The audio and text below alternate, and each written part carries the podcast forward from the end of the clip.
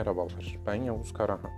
Geç kalmış mühendis ismi hayata bayağı geç kalmamdan dolayıdır. Bu geç kalmışlıkta yapacak çok şey aradım. En sonunda kendi çapımda bir podcast yapmaya karar verdim. Kah eğlenceli, kah sıkıcı, kah hüzünlü bilgiler bu podcast'te olacak. Eğer ortamlarda edebilecek çok lafım yok, benim de muhabbete dahil olacağım bir konu olsun diyorsanız bu yayını tam da bu yüzden yapmaya karar verdim. Yayınıma teşrif etmeye hazırsanız abur cuburunuzu hazırlayın da gündelik yaşama biraz ara verelim.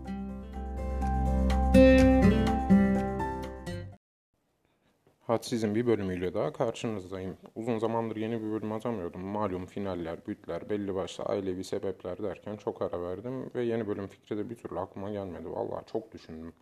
Ama ya üşendim ya aklıma hiçbir şey gelmedi ya bir şeyler geldi devamı gelmedi öyle kaldı.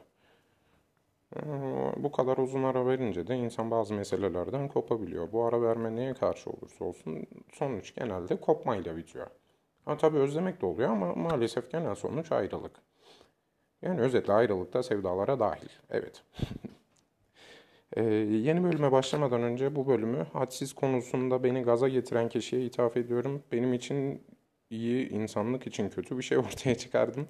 Senin bu gazlamaların ve desteklerin olmasaydı düştüğüm çukurda boğulur, boğulurdum. Bu yüzden eyvallah. Ölümle ayrılığı tartmışlar. 50 dirhem ağır gelmiş ayrılık. Böyle bir klişeyle başlayasım var yeni bölüme. Ele alacağım konu ayrılık acısı. Yaşamadım diyen beri gelsin, bir tarikat kursun, bizler de mürid olalım. Ayrılık acısı nedir? Hangi durumlar sonucu ortaya çıkar? Ayrılık acısıyla baş edilir? Sevgilimden ayrıldım beni anlayan var mı? gibi soruların cevaplarını birlikte arayalım. Ben bunlara dair araştırmalar yaptım. Ee, bir psikolog buldum. Uzman psikolog Zeynep Kaya ayrılık acısına dair şunları söylüyor. Aşk yaşamımızın belki de başlangıcından beri var olan bir duygu. Yani aşk yaşamımızın belki de başlangıcından beri var olan bir duygu. Hem kendini hem karşısındakini keşfetme arzusu insanı büyüler. Genelde aşk denilen şey aşkın başlangıcı. İki kişi duygusal beklentiler ile bir araya gelir ve aşkın devamı da bu beklentilerin karşılanması üzerine devam eder. Beklentiler bazı sebeplerden karşılanamaz. İlk başta yer alan o büyü ve tutku aynı şiddette yerini maalesef hayal kırıklığına bırakır. Ayrılığın üstesinden gelmek çoğu zaman zordur. İnsanın öz saygısı zedelenince, gururu zarar görünce kendine karşı makul olması zorlaşır. İnsanın kendi ikirciklikleriyle başa çıkması, aa ben bunu tek seferde söyleyebildim mi? Duyguların onu zapt etmişken yeni bir rutin oluşturmaya çalışması oldukça zaman alır. Elbette insanın sevdiği birini hayatından çıkarması şekli nasıl olursa olsun ister kavgalı, ister anlaşarak, ister küs olmadan bir yaz süreci gerektirir. Yaz sürecinde üzüntü, keder, acı vardır. Fakat bu duyguların yoğunluğunun kayıpla orantısı yoksa gerçek hikayenin ne olduğunu insanın kendisine sorması gerekir. Yakın ilişkilerimizde sorun yaşadığımızda kendimizi üzgün, değersiz, suçlu hissederiz. Yakın ilişkilerimizde sorun yaşamak bizi strese sokar ve stres altında çoğunlukla rasyonel düşünmekte zorlanırız.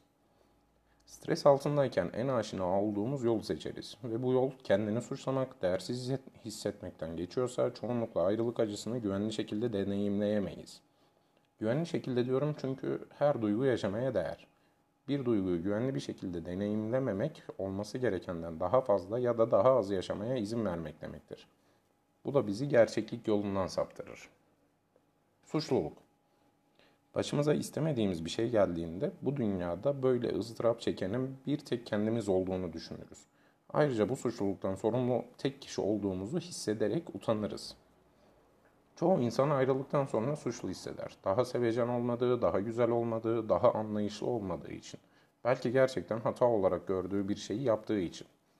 Burada bahsedeceğimiz duygu eylemlerimizin sonucunda duyulan suçluluktan çok ızdırabımızın kökeni olan suçluluktur. Bu suçluluğun tohumları ilk, so ilk çocukluğumuzda atılmaya başlar. İyi niyetle de olsa ebeveynlerimiz bizi bazen olduğumuz halimizle kabul etmez.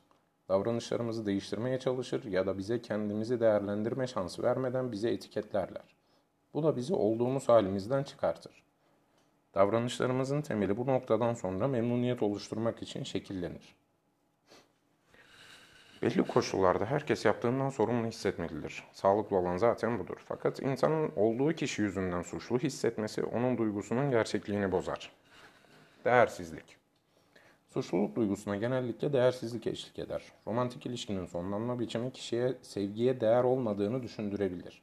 Bu süreci zorlaştıran ve kendimizi gerçeklikten uzak değerlendirmemizi sağlayan bir başka duygu değersizliktir. İnsanlar çoğunlukla kendini nasıl değerlendirirse dışarıyı da o gözle değerlendirir. Kendimize dair algımız değersizlik ise insanların gözünde de değersiz olduğumuzu düşünürüz. Değersizlik de tıpkı suçluluk gibi erken çocukluk döneminde bize bakım verenlerimizle kurduğumuz ilişki ve tutumlar sayesinde oluşur. İlişki içinde ya da sonrasında davranışlarımız bu düşüncenin etrafında şekillenir. Yalnızlık korkusu. Yalnızlık korkusunun da değersizlik ya da suçluluktan farkı yoktur ki zaten bu korkuyu besleyen iki duygu da suçluluk ve değersizliktir. Romantik ilişkinin sonlanmasından sonra bir daha ilişki kuramayacağına inanıp bundan dolayı kaygı yaşayan insanlar vardır. Bazı zamanlarda yalnızlık korkusu kişiyi mutsuz eden, ona uygun olmayan bir ilişkinin içinde kalma mecburiyeti hissetmesine neden bile olabilir. İlişkinin sonlanmasından sonra kişinin daha iyisini bulamayacağına dair inancı, elindeki en iyi partneri kendi yüzünden kaybetmiş olmanın suçluluğu, iyi bir ilişkiyi hak etmediğine dair değersizlik algısı, bir daha ilişki kuramayacağına kendini inandırmasıyla son bulur. Kişi buna o kadar inanır ki yalnız kalmak artık onun kişisel tercihine dönüşür. Aa, bana çok tanıdık geldi. İstemsiz olarak romantik ilişkilere mesafe almasına, kendini duygulara kapatmasına neden olur. Ayrılık acısı nasıl geçer? Dünya üzerinde gerçek bir acı varsa, bir gerçek varsa belki de o acıdır. Olmadı bu cümle. Dünya üzerinde bir gerçek varsa belki de o acıdır. Kalp kırılmasının gerçekten fiziksel olarak hissedildiğini biliyor muydunuz? Ben de bilmiyordum. Ayrılık acısı da tıpkı fiziksel bir acı gibi iyileşmesi için zaman tanıdıkça geçer. Belki de doğru soru ayrılık acısının nasıl geçeceğini sormaktan ziyade ayrıldıktan sonra aldığımız yaraları nasıl iyileştirebileceğimiz üzerine olmalıdır. Bize acı veren şey bir ilişkinin bitmesi midir, biten bir ilişki sonrasında kendimize ne söylediğimiz midir?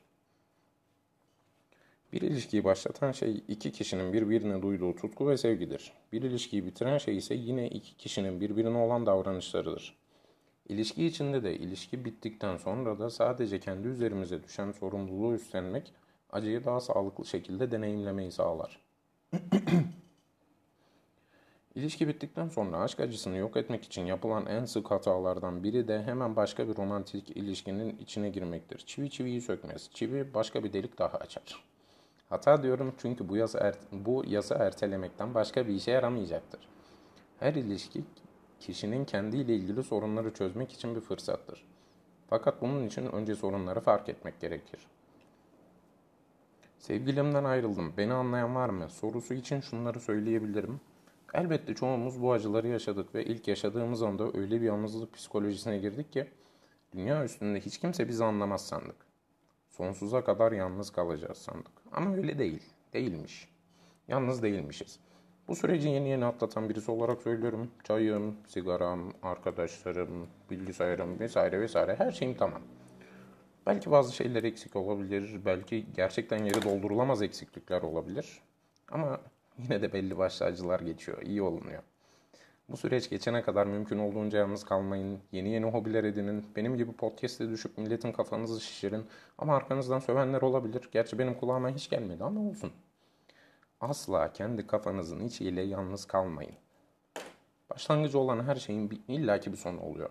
Ölümün bile bir sonu var. O da şu şekilde olacak galiba. Nerede okumuştum ya? Bir kitapta okumuştum. Azrail bütün insanları öldürdükten sonra kendi canını da alacak. Hayat, dünya, yıllar, baharlar, kışlar, devletler, elektronik cihazlar vesaire vesaire bunların her birinin bir ömrü var, bir sonu var. İlişkiler de böyle. Hiçbiri sonsuza kadar devam etmiyor. Etmesini çok isteseniz de etmiyor. Ayrılık acısı da böyle. O da sonsuza kadar devam etmiyor. Dün okuduğum güzel bir söz vardı. Musibetlerin misafirliği gariptir, sabır göstermezsen yatıya da kalır.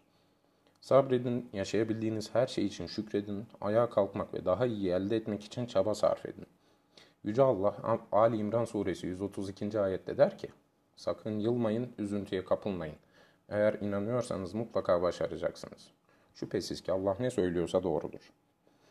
Her şeyin bir sonu olduğu gibi bu bölümün de bir sonu var ve sonuna geldik. Bir sonraki bölümü yapana kadar kendinize iyi bakın. Hoşça kalın. Sağlıcakla kalın.